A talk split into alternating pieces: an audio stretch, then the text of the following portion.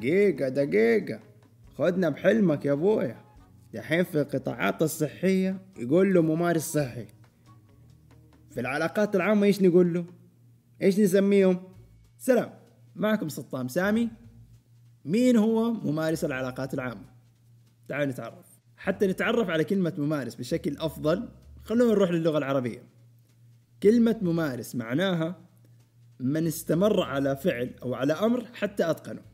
والدلالة اللغوية من كلمة ممارس بحيث إنك توصف فيها نفسك أو بتوصف فيها شخص آخر فبتقول عنه متمرس على وزن متمكن.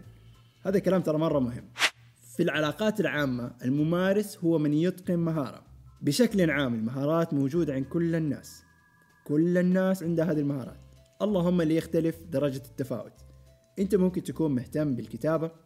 أنا ما عندي اهتمام بالكتابة. ممارس تنطبق على يعني المهنيين أو المتخصصين في العلاقات العامة اللي درسوها معرفيا تمكين معرفي أو حتى الممارسين الغير متخصصين. الكلام مرة كثير عن هذه الأمور والتخطيطات والمهارات الموجودة في العلاقات العامة. بكل تأكيد حنتكلم عنها كثير في الحلقات الجاية. بإذن الله. كيف تقيس مهاراتك في العلاقات العامة؟ هذا الموضوع إن شاء الله حيكون حلقتنا القادمة. لا تنسوا ال like share subscribe فعل جرس التنبيهات عشان توصلك الإشعارات توصلك على الموضوع هذا تحديدا قياس المهارات. إلى هنا هنا سطام هنا كنة علاقات نستودعكم الله. مع السلامة.